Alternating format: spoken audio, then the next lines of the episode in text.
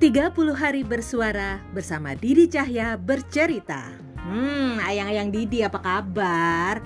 Ada yang berbeda dalam Didi Cahya bercerita untuk episode Desember ini ya, edisi Desember.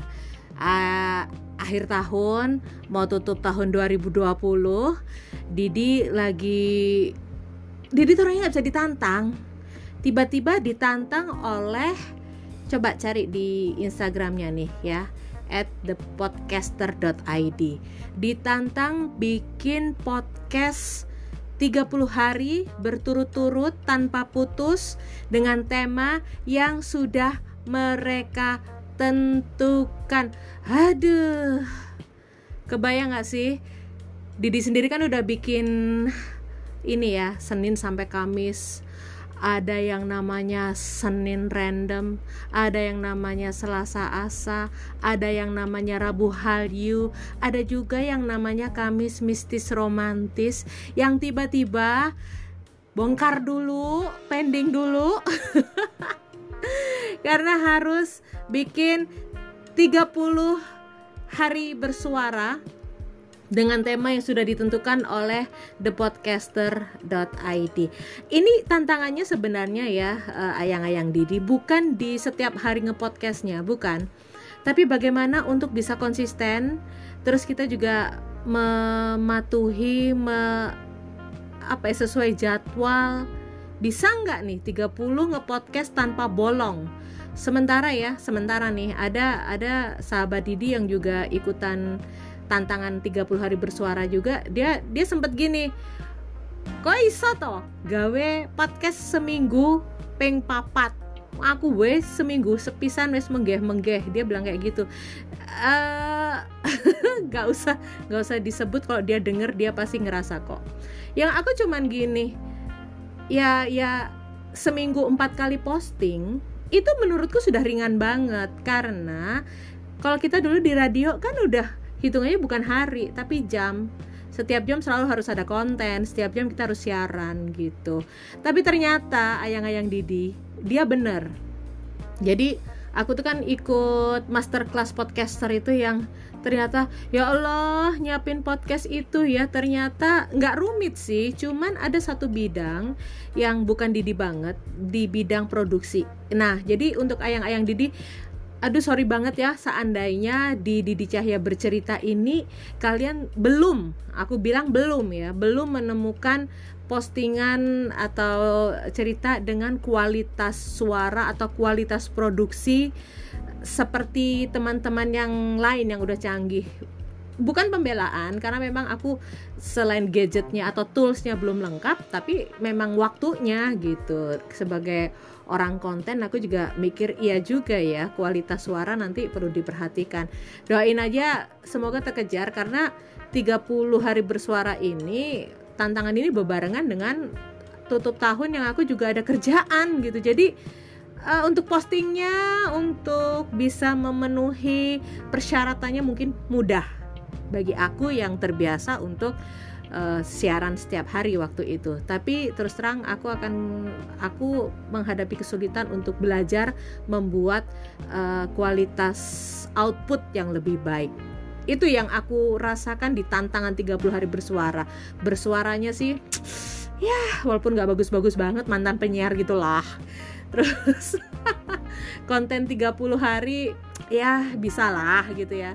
Tapi Ya, aku tantangan terberat atau tantangan terbesar dari hashtag 30 hari bersuara ini adalah bagaimana aku bisa menghasilkan podcast dengan konten yang bagus dengan output yang bagus juga. Oh iya, walaupun ini episode 0 ya, episode 0 uh, eh, untuk tantangan 30 hari bersuara ini, tapi Didi Cahaya bercerita sebenarnya sudah berjalan sejak November dan aku sendiri sebenarnya sudah uh, sempat punya podcast dua tahun yang lalu tapi aku bubarin ya karena memang ya sudah nggak nggak nggak cocok aja isinya. Nah sebenarnya Didi Cahya bercerita ini modelnya adalah kalau ada yang nanya nih temanya tentang apa sih kan ada nih podcast puisi, podcast kesehatan, podcast buku gitu ya. kalau di Didi Cahya bercerita itu dia lebih kepada pernah dengerin radio nggak sih? Pertanyaannya jelek banget. Kalau mendengarkan radio itu kan selalu di siaran di program-program itu ada topik-topik yang disiarkan, eh, yang disampaikan kepada pendengar. Nah, Didi Cahya bercerita juga gitu. Jadi aku ada cerita-cerita dengan topik-topik tertentu di hari-hari tertentu tapi ada yang free topiknya di hari Senin random ya berbicara tentang keseharian kita kalau Senin random itu apa pun yang terjadi, apa pun yang dibicarakan tanpa tema yang mengikat. Kalau Selasa asa itu adalah uh, apa ya? Hari di mana aku akan posting sesuatu yang ses, apa ya? Uh, harapan itu ada, asa itu ada. Nah, kalau Rabu tuh Rabu Hallyu tentang kekoreaan. Sementara kalau Kamis mistis romantis itu sesuatu yang sifatnya mistis goib. Tidak semata-mata horor tapi misalnya juga mitos-mitos kayak gitu juga akan aku bicarakan. Dan itu libur selama satu bulan ya. Itu libur selama satu bulan selama Desember itu ada tema-tema di minggu pertama nanti ya. Ada hari lahir awal mula keputusan rencana keinginan perjumpaan PDKT itu masih gampang lah. Uh, minggu kedua ada pasangan. Ini agak berat ini agak berat karena aku single. Terus langsung teman-teman ore proklamasi. Ya gue single nggak ada pasangan terus yang tentang keluarga ini juga agak berat karena uh, ya ada hal-hal yang tidak ingin aku sampaikan. Tapi ini tantangannya juga ya. Pertemanan di persimpangan bucin pemuja rahasia. Nah pemuja rahasia ini bakalan seru karena aku punya cerita saat aku di Semarang dulu. Aku punya pemuja rahasia. Oke. Itu beberapa bocoran tema yang ada di dua minggu pertama Didi Cahya bercerita mengikuti tantangan 30 hari bersuara by thepodcaster.id ya oke okay?